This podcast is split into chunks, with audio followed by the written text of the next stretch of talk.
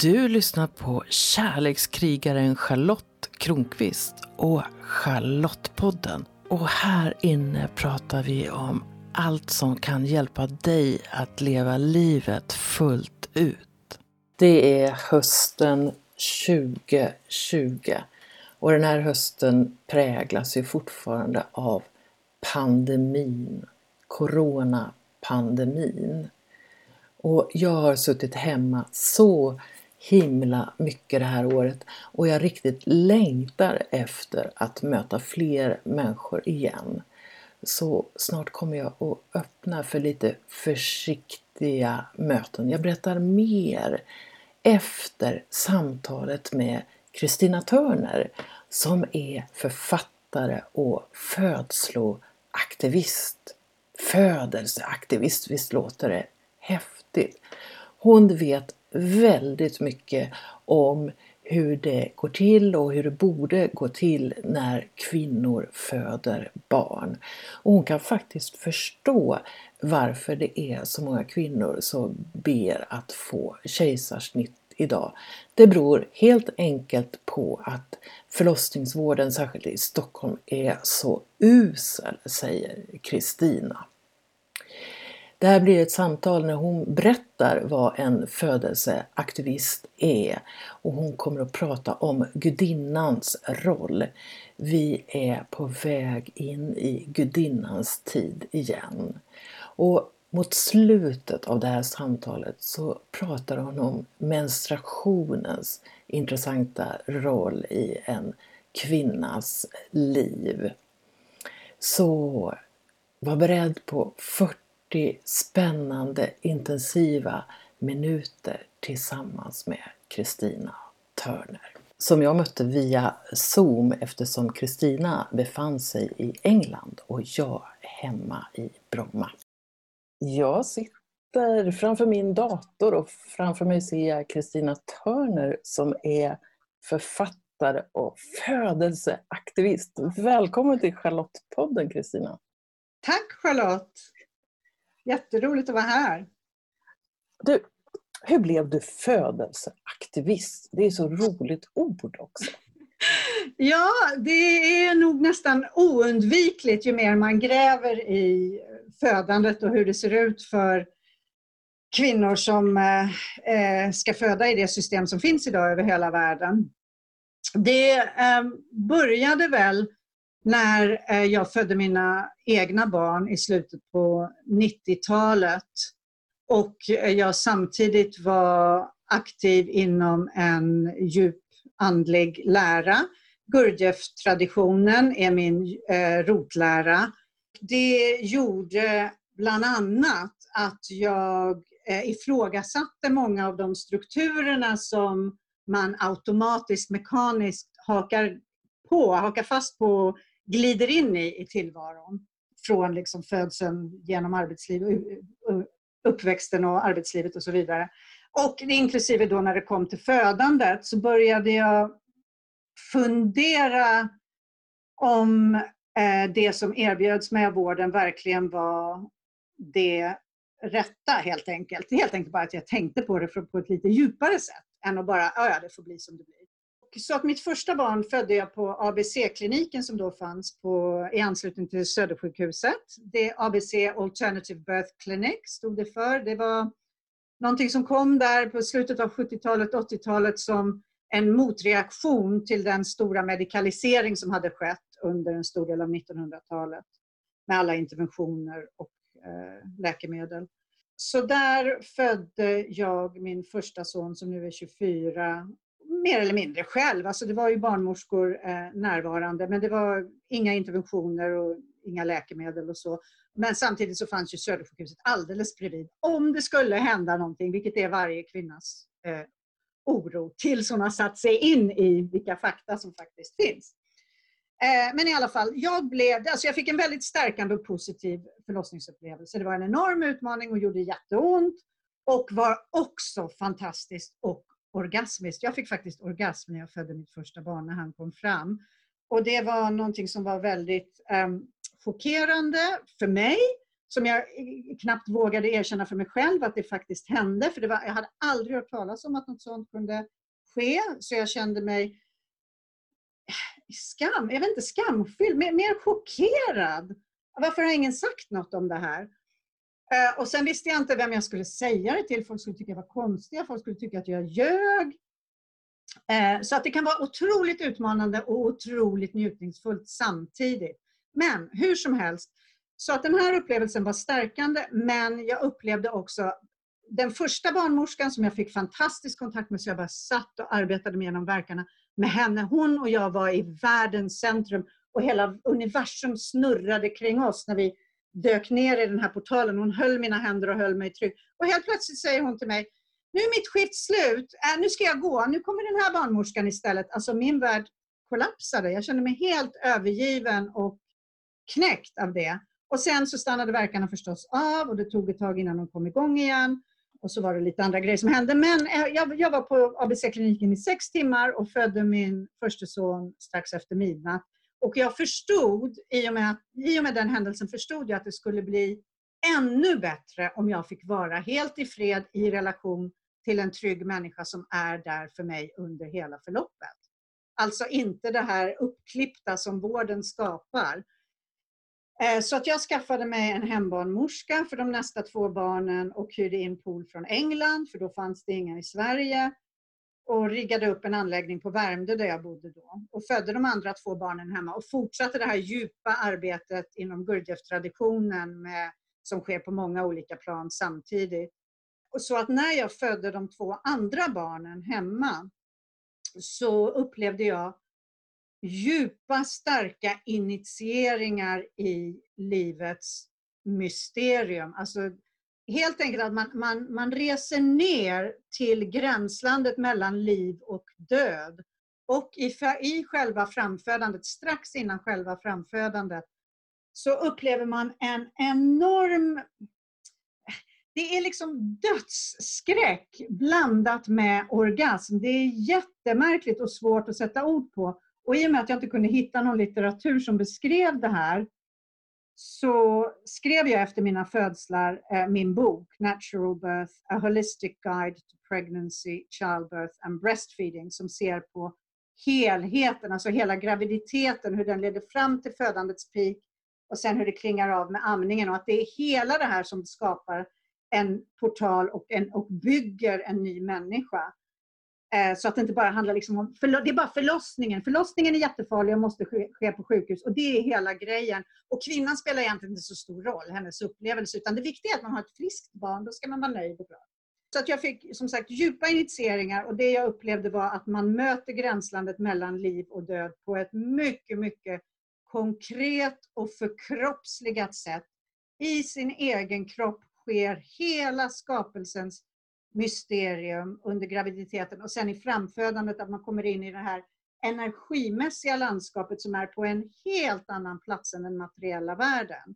Så att det var som en explosion i min hjärna och i min själ av insikt om vilken kraft kvinnor besitter i sina kroppar. Och att den här initieringen sker så här när man föder barn och man får göra det ostört. Så att då började jag undra lite grann över alla de här esoteriska lärorna som jag hade studerat i många år. Och eh, det var oftast män som var ledarna, män som var eh, mästarna i religionen. Eh, Gud var en man, Jesus en man. Jag började, det där såddes någon slags frö så eh, jag började intressera mig för eh, gudinnan helt enkelt och den här insikten om att kvinnor har den här otroliga potentialen som varför syns inte den i samhället? Liksom? Varför, varför pratar ingen om det här? Och sen när jag började prata med vänner i samma ålder som mig som också hade fött barn så förstod jag att min upplevelse lät som ett UFO, påhittat, överdrivet, flummigt, konstigt, psykiskt stört kanske till och med, jag vet inte. Men, men hur som helst, det passade absolut inte in i normen, min beskrivning av födande. För normen var trauma, fruktansvärd smärta, jättejobbigt, bara något man måste genomlida. Ungefär så här är det för alla kvinnor, så här har det alltid varit, så här måste det alltid vara. Och det är jättefarligt att föda barn. Alltså man, de som väljer att föda hemma får höra om och om igen. Men tänk om det händer något? Om, om inte jag hade varit på sjukhus hade mitt barn dött. Och det kommer, skulle vara en hel separat föreläsning tror jag om jag skulle besvara, mot, motbesvara det argumentet. Men i, i alla fall, det var detta som ledde mig till att skriva min bok. Därför att jag ville åtminstone få ner på pränt det jag hade upplevt. För jag tyckte det var så värdefullt och viktigt. Och jag tänkte om så bara min dotter läser den här boken så är det värt att göra. Så den kom ut 2010. Och eh, 2013 så separerade jag från barnens far och flyttade tillbaks till Sverige. Jag bodde då i England. Jag har bott mellan England och Sverige hela mitt liv. Men då flyttade jag tillbaks till Sverige och började engagera mig lite mer i födandet. För när jag kom tillbaka till Sverige efter mina tio år i England så förstod jag att förlossningsvården i Sverige var ännu mer medikaliserad och ännu mindre valmöjligheter och ännu mindre feministisk än i England, vilket jag tyckte var väldigt förvånansvärt. Att eh, kvinnorna helt enkelt har mindre makt och mindre val och blir mer överkörda och liksom fler trauman. Så det var där någonstans min födelseaktivism började. Så jag engagerade mig i en förening som heter Födelsehuset som verkar för eh, eh mer mänskliga förhållanden i födandet för familjer. Och drev Födelsehuset Stockholm där i ett antal år och försökte påverka politiker, lobbade journalister. För då hade ABC-kliniken blivit någonting som ett tag hette Södra BB. Och sen skulle Södra BB läggas ner och då var jag ute och demonstrerade. Och, sen så, och, och, då upptäckte jag hur politiker och förvaltning ljuger. Alltså de ljög för mig om och om igen när jag försökte trycka på, pressa på, sätta press och försöka hämta ut information och så vidare. Så att de la ner Södra BB fast de sa att de inte skulle göra det. Så helt plötsligt var det bara nedlagt och då var det för sent att göra något. Så där slutade jag vara trevlig på något vis. För jag blev totalt lurad och överkörd i samband med det. Och många andra med mig också. Så då började jag bli misstänksam. Du, vet, man, är, man kan vara lite naiv i början. Man pratar med politiker som är jättetrevliga. Det verkar vara jättesnälla, fina människor som förstår vad man säger och lyssnar och nickar och säger att de ska titta på saken. Och sen plötsligt är det bara stängt i alla fall. Så att sen så skulle de ju stänga BB Sofia efter det. Då var det Sveriges sista barnmorskeledda klinik. Alltså en klinik där barnmorskorna har ansvaret för det friska födandet. Därför att så fort läkarna får ansvaret över det friska födandet, läkare är fantastiska, självklart måste, måste jag säga med en gång, och läkarvården, förlossningsvården är fantastisk och behövs, men inte för alla. Majoriteten av kvinnor som föder barn är friska och de ska faktiskt hållas utanför sjukhus för att få bästa resultat, både för mor, barn, psyke. Och det här är inte jag som säger det, utan det här är stora forskningsstudier och analyser över hela världen. Och det här implementeras i andra länder, men inte i Sverige. Så i alla fall, BB Sofia var den sista kliniken som drevs på det sättet, det vill säga inte som en avdelning på sjukhus med all interventionsglädje, interventionskåthet som finns där och där det också lönar sig att göra interventioner. Och man hela tiden måste stressa på kvinnorna så att de kommer igenom det här löpande bandsystemet på sjukhus så snabbt och effektivt som möjligt.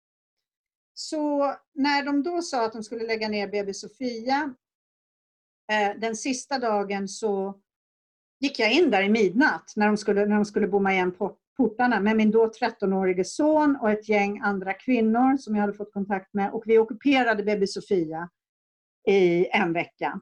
Där någonstans blev jag nog födelse. Då var jag en fullfjädrad födelseaktivist. Och sen har det bara rullat på. Ju mer man får upp ögonen för hur det faktiskt ser ut, desto mer förbannad blir man. Och för mig så är det här en del av mitt andliga arbete, sacred activism.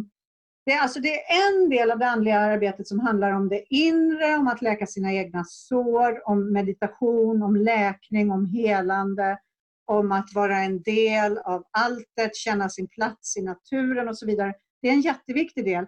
Men sen är det också en del som är kontaktytan med den materiella yttre världen. Och det är, det är, den är lika viktig anser jag. Och så att det är där jag försöker möta mitt, mitt inre arbete möter den yttre världen i sacred activism. Och den form det har tagit för mig är födelseaktivism jag blir, jag blir glad över att höra att du landade där. jag började föda barn 85 och då hade vi en sån här föräldrautbildning. Och den handlade om, du har rätt till smärtfri förlossning, du har rätt till Petidin, du har rätt till det, du har rätt till det. Och så säger jag så här, ja, men om jag vill föda utan då, hur, hur kan jag få hjälp att föda själv? Du kan få Petidin, du kan... Alltså det var, det var så inriktat mm, på det. Mm. Jag, hittade, jag hittade ju såklart någon som eh, var en kvinna som heter Sheila Ljunggren och hon lärde mig att din kropp är gjord för att föda barn.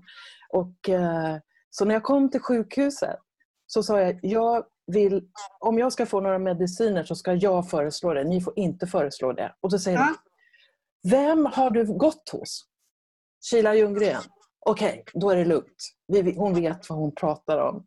Så där kände jag min kvinnokraft Eh, för, för eh, första gången. Mm.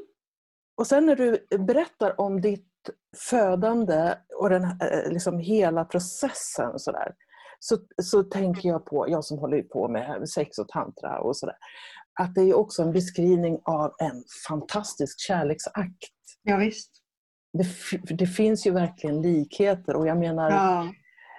Eh, konceptionen är ju en födelseakt så det här är ju på, eller en kärleksakt. Så det, det är, jag tycker inte att det är konstigt att se födande också som en del av det här flödet. Eh. Nej, helt riktigt. What gets it in, gets it out. Och det är samma miljö som krävs. Du behöver känna dig lugn, ostörd, privat, gärna mörkt. Det är samma oxytocinpåslag som under orgasmen, att du får värsta oxytocinruschen. Det är samma sak som sker över sköda, under födandet. Det är samma organ som arbetar. Och det är samma portal som det sker en resa genom. Så att det finns jättestora likheter. Och när du stör den processen, precis som om du skulle försöka få en orgasm under en kärleksakt, när du hade en massa lampor som lyste rakt på er, folk som tittar, det är gärna folk som sätter elektroder och mäter prestationen också, säger nej, jag tycker inte du, du är inte riktigt tillräckligt hård, kanske de skulle säga till mannen. Va? Så jag, tror, jag tror vi får ge dig en liten injektion i penis, se om vi kan hjälpa till och snabba på lite grann, för du vill väl träffa ditt barn, du vill, eller du vill väl få din orgasm? Förstår du? Så det, det, finns stora likheter och ju mer jag läser på om det fysiologiska och det hormonella, desto större likheter ser jag. Så det, det är mycket intressant.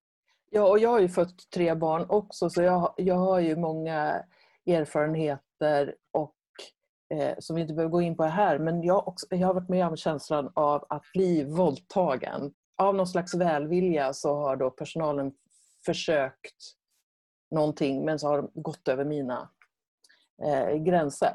Mm. Eh, men jag födde alla tre liksom, utan bedövning så att säga. Eh, mm. och, det, och där kände jag min kvinnokraft. Men mm. jag mm. också fundera på det är 80 och 90-talet. Jag födde barn och jag läser massa böcker om det. Jag läser en som heter Michel Audin, Naturlig förlossning.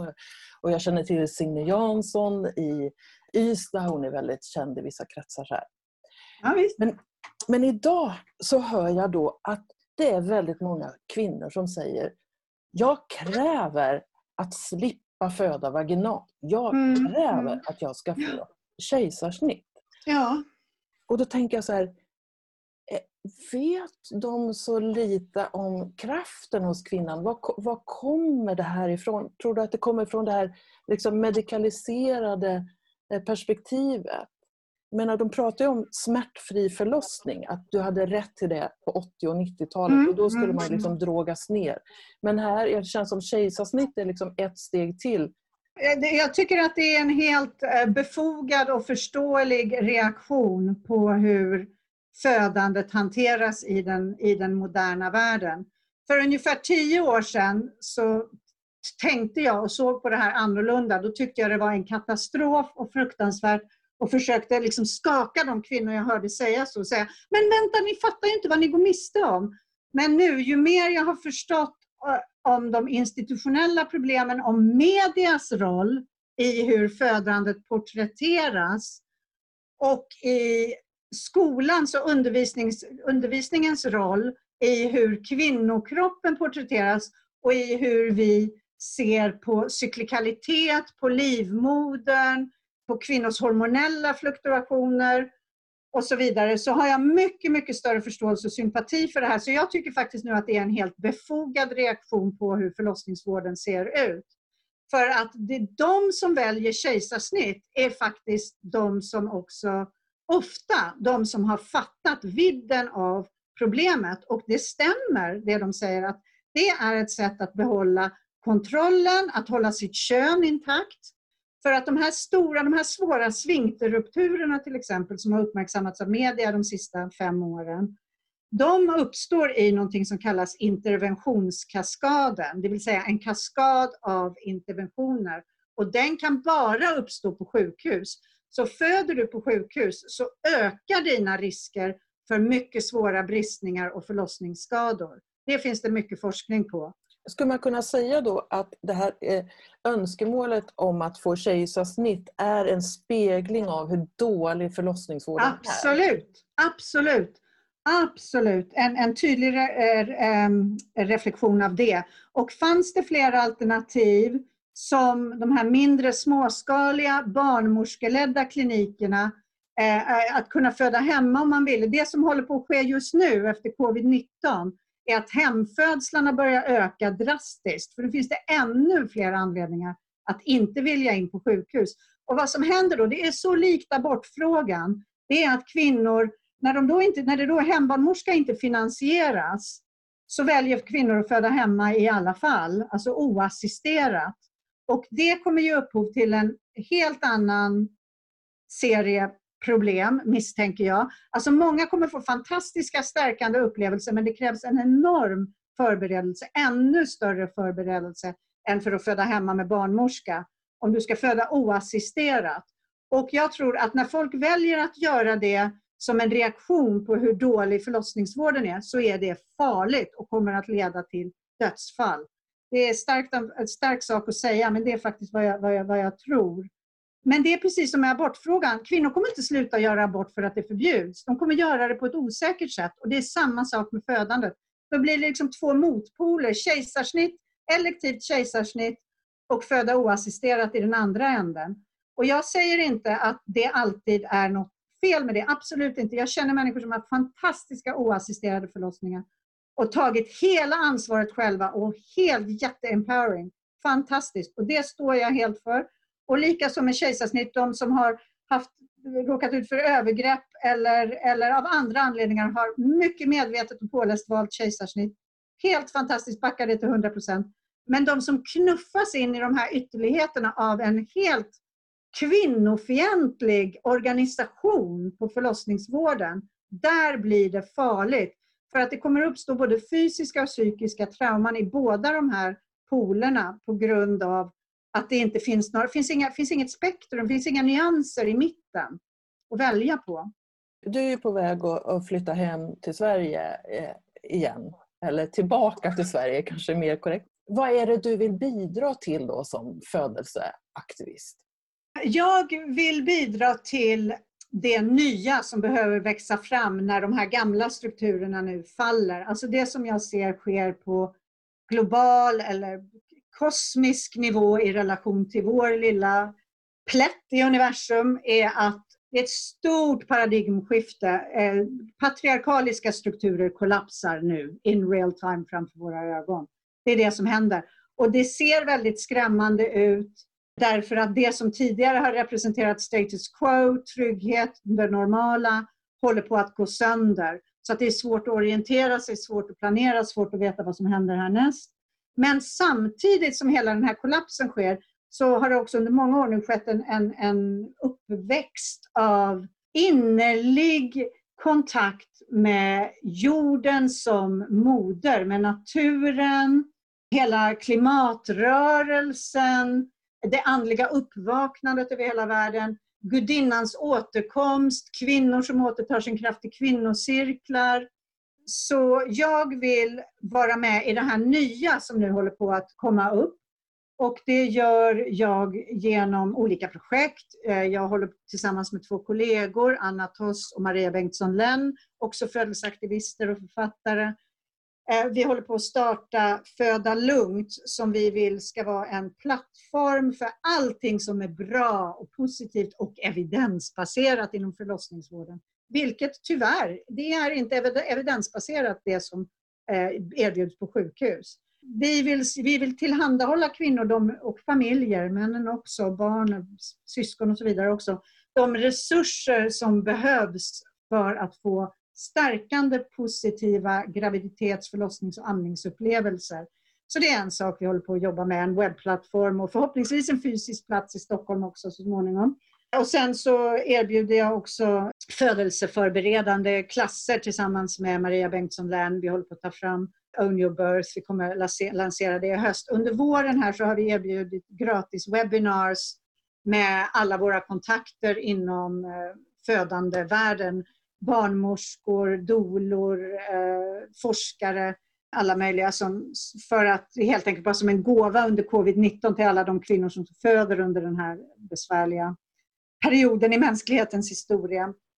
Eh, så det kommer vi fortsätta med också, erbjuda de här webinarsen. För vi har ett så stort nätverk och det är bra bara att komma ut med informationen så att kvinnor kan få tillbaka makten i sina egna händer och fatta sina egna val. Och sen så håller jag också på att ta fram en serie eh, naturprodukter, örtprodukter tillsammans med Maria Bengtsson eh, under gudinnans namn. Det kommer också i höst. Då är det oljor, essensoljor som eh, är tillverkade och kommer härifrån trakten där jag bor i England. Så ekologiska, lokala, etiska, hållbara produkter som hjälper i födandet, som stödjer födandet så att man får hjälp av örter att ta sig igenom de här momenten som är svårigheter när man går igenom i födandet helt enkelt. Sen kommer jag självklart fortsätta lobba journalister, politiker och vara jävligt jobbig på Facebook, vilket är lite grann av min specialitet. För jag är inte, jag är inte, jag är inte rädd för att bli illa omtyckt. Och eh, jag vill gärna tala min sanning. Jag har ett kort liv, det kommer snart vara över. Jag vill erbjuda det jag har. Och jag kan ha fel, men jag lägger ut det i alla fall. Ja, det var ju så vi kom i kontakt kan man ju säga också. När du säger gudinnans återkomst, mm. kan du säga lite mer om det? Vad innebär det för dig? Det, men det, det är ju det här som, som, som jag nämnde tidigare, att vi har haft som kollektiv överenskommelse att Gud är en man. Typ liksom en gubbe med skägg och som sitter på ett mål med lite änglar runt omkring. Det är en undermedveten, man är inte medveten om alla föreställningar man har, bildspråket och tankar och, och så vidare. Som hänger ihop med vad andlighet är. Alltså andlighet är ju ett, ett, man skulle psykospirituell transformation. Det är ett väldigt liksom långt och krångligt ord, men jag tycker det är lite mer rättvisande. Andlighet har så mycket associationer, negativa associationer för människor. Det vi har kallat Gud och religion förkastar ju väldigt många människor på grund av att det har blivit mänskliga institutioner med alla de problem, degenerering, eh, korruption och så vidare som hänger ihop med mänsklighetens öde. Precis som alla organisationer startar ofta från en väldigt god impuls. Men någonstans så vänds oktaven. Och det är här mina andliga studier har hjälpt mig väldigt mycket i att förstå de här processerna som är helt naturliga och lagenliga. Det är inget som är fel. Det är en del av skapelsen av livskraften när den strömmar genom materia helt enkelt. Och kan man förstå det så är man mycket bäst, bättre rustad att surfa från moment till moment helt enkelt.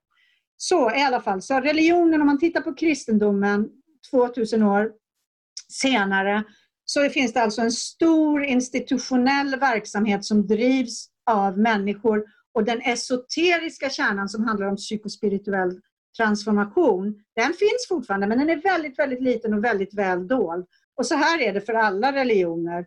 Islam har sufismen, judendomen har kabbala, den tibetanska buddhismen, kristendomen har Mount Athos och även Gurdjieff-traditionen.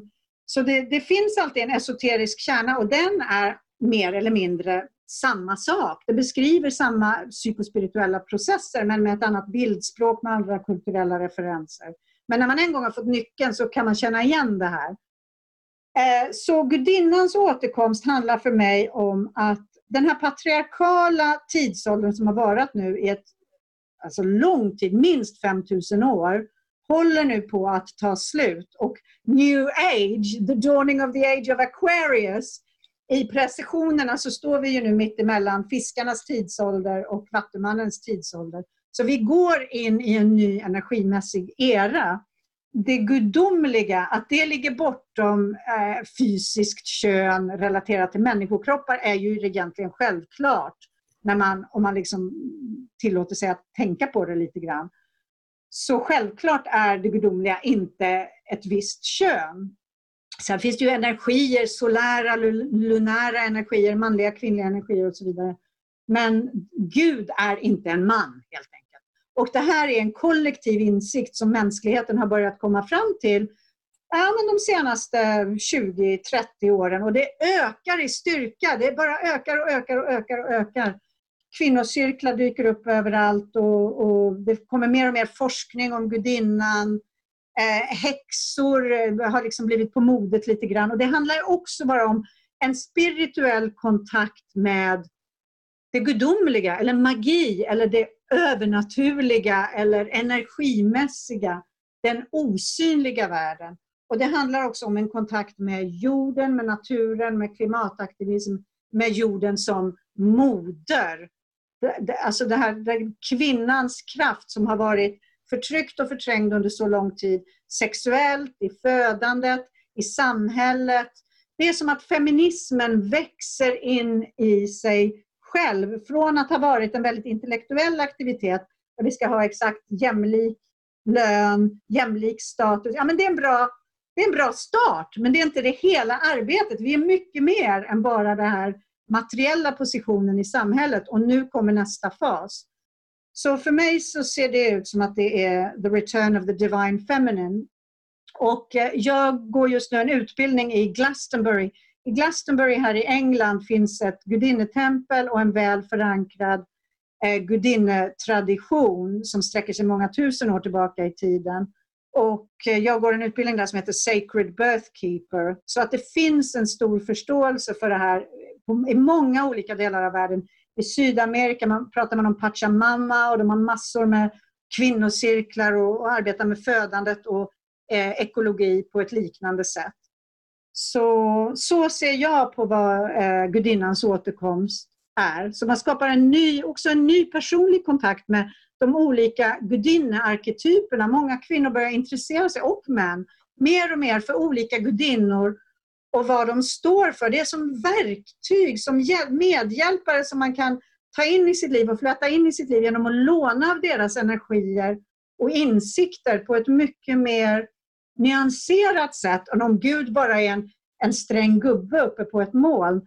Det har, alla religioner degenererar så småningom och nu är det något nytt som kommer. Det är härligt att lyssna på dig för att jag kommer ju i kontakt med saker hos mig själv. Alltså för ungefär tio år sedan så sitter jag och mediterar och, eh, och så möter jag gudinnan Inanna. Och så säger hon Charlotte, eh, du ska inte ha kvinnocirklar, för jag hade tänkt ha det. Du ska ha gudinnecirklar. Och eh, för mig tillhör det det magiska, det mystiska. Alltså jag, får, jag får som en direkt kontakt och jag var tvungen att, att börja läsa på om min Anna för jag visste väldigt lite om henne. Och jag tror också att, att, att jag är med och leds av någonting som är större än jag eh, på något sätt. Och, och jag får budskap om att det är inte bara våra tankar som är viktiga utan det är att förkroppsliga. Och när vi förkroppsligar då får vi också mer kontakt med naturen. Vi, vi känner, alltså jag kan känna ibland energin från Moder Jord. Jag kan få orgasm av att vistas i eh, naturen. Och som jag ser det så finns det en jag tror på ett sätt är min definition för liv att man har en divine spark. Alltså det är ingen som kan säga varför det fröet tar sig och inte det andra. Och jag, för mig är det det. Så, så för mig så är, har vi the spark i oss, all, alla, allt som lever. Och jag gissar att det är i samklang med gudinnans återkomst. Så att jag, jag har fått eh, inte så mycket på ett teoretiskt plan, utan det har liksom bara eh, kommit till mig. Och jag får fler och fler mystiska som upplevelser.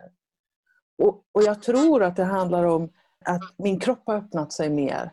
Mm. Att jag vågar vara med mina sinnen och nuet. Och det, det är väl lite därför som jag håller på med det som brukar kallas eh, tantra, för det är ju en, en tradition där kroppen är med. Mm. Många andliga och även som kallas nyandliga traditioner, de eh, handlar bara om det som är kontakt med det som är större än oss. Det är som att kroppen, vi förkroppsligar det här är inte så viktigt. Jag tror att det är viktigt att, att, vi, att vi börjar vara i våra kroppar också. Och jag tror också att det som bidrar till att, att födandet kan få, alltså att man ser hela den här rörelsen, alltså typ från konceptionen och graviditeten, födandet, och eh, genom amningsperioden och så. Det, det, ja. Jag blir lite rörd. när jag ja, Nej, jag, jag, håller med dig. Jag, håller med dig. Jag, jag, jag, känner också att det här är en kraft som strömmar uppåt ur jorden. Och precis som du säger, att det, det kommer upp genom våra fötter in i oss. Det, en del pratar om downloads, ungefär som det kommer uppifrån. Jag känner att just det som sker nu energimässigt, det strömmar uppåt i våra kroppar. Det kommer inte utifrån utan tvärtom det kommer från jorden. Så så förnimmer jag det kroppsligt, det som sker just nu. Ja, och, och där tänker jag att, att det här kring födandet blir väldigt viktigt. Det är inte bara viktigt för kvinnan eh, som föder och för barnet som föds. Utan jag tänker att det har en symbolisk kraft också. Att vi värnar livscykeln ja, på ett tydligare sätt. Jag har exakt. inte all den här teoretiska kunskapen som, som du har, men jag har en...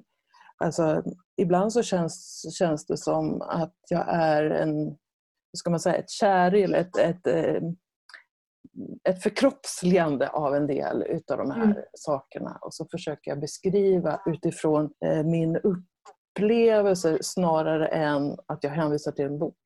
Mm, mm. Absolut, absolut.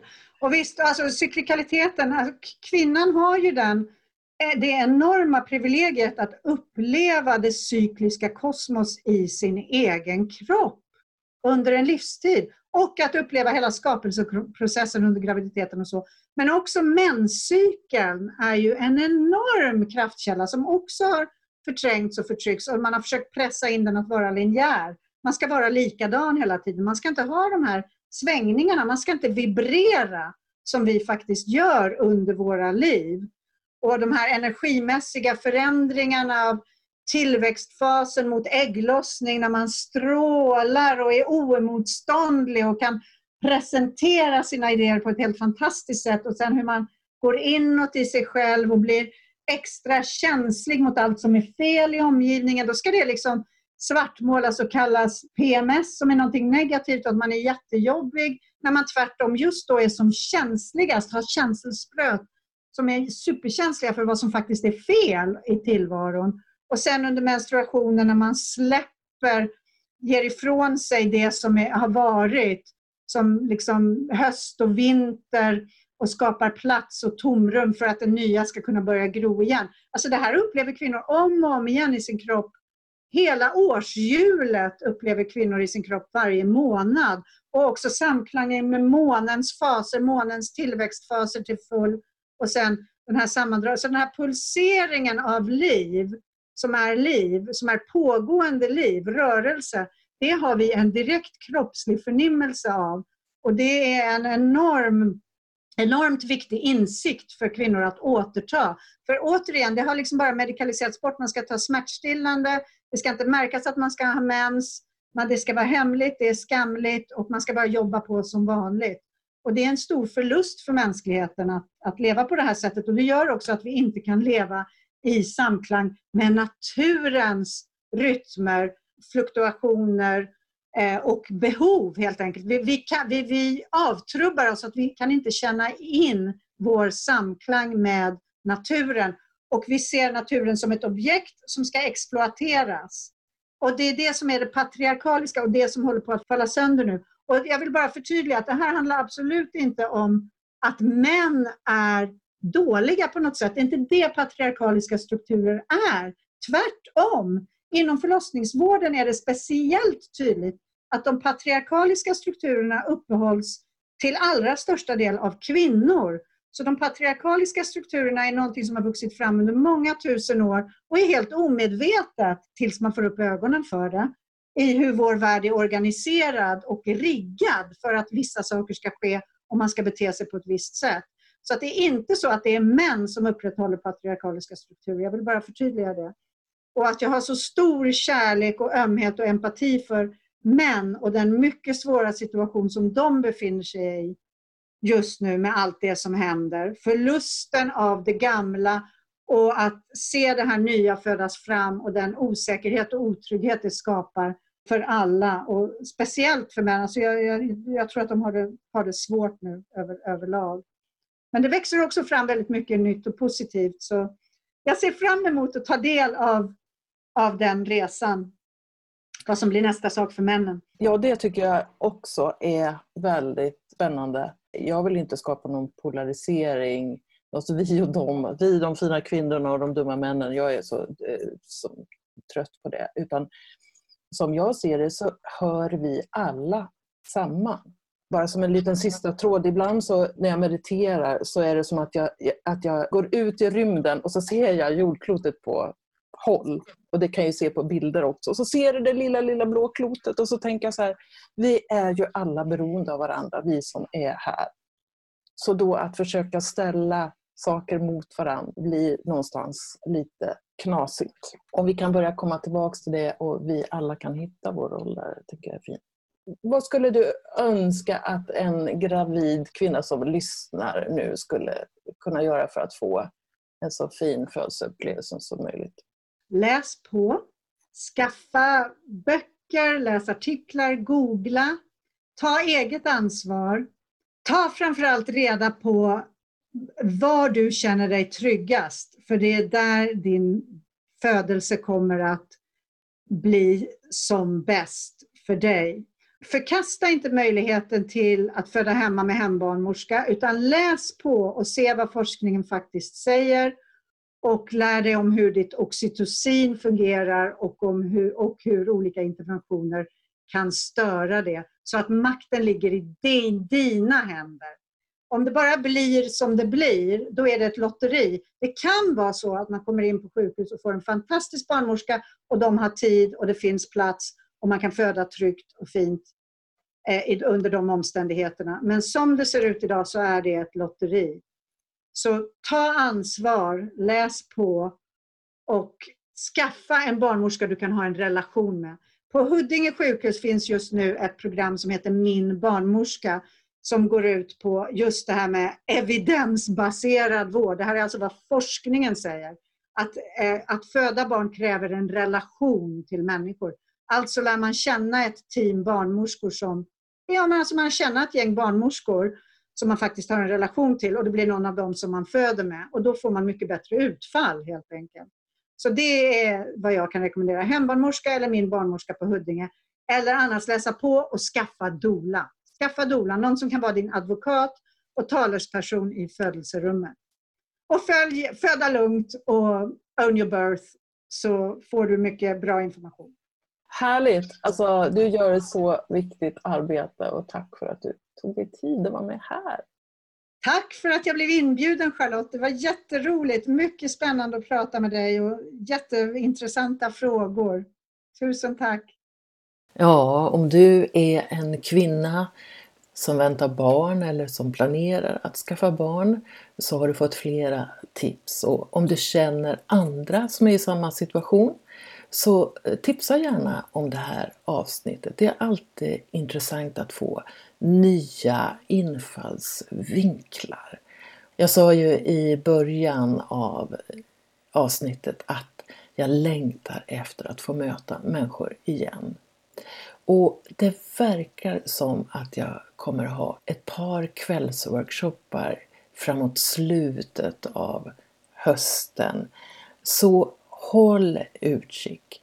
Jag kommer att annonsera dem på min hemsida charlottekronqvist.org och du som har mitt nyhetsbrev får all information där. Så ett tips till dig är att gå in på min hemsida charlottekronqvist.org och så tar du och scrollar ner till längst ner på sidan och sen så anmäler du dig till nyhetsbrevet. Det är inget betungande nyhetsbrev. Eh, jag skickar några brev om året bara. Men håll utkik för visst vore det härligt att kunna mötas även om det blir med större avstånd än vi är vana vid. Ha det underbart. Njut av att vara du. Hälsningar från Charlotte Kronqvist, din kärlekskrigare. Kom ihåg att prenumerera på Charlottepodden så att du är med när nya avsnitt kommer. För vem vet vad du kan få lära dig om livet i det avsnittet. Rekommendera gärna podden till en vän så är du med och sprider vetskap om att den här podden finns och berätta vad den ger just dig. Jag skulle bli så glad om du också går in i din podcast-app och lämnar en kommentar eller skriver en recension av podden. Ju fler som gillar podden öppet, desto fler kommer också att hitta den.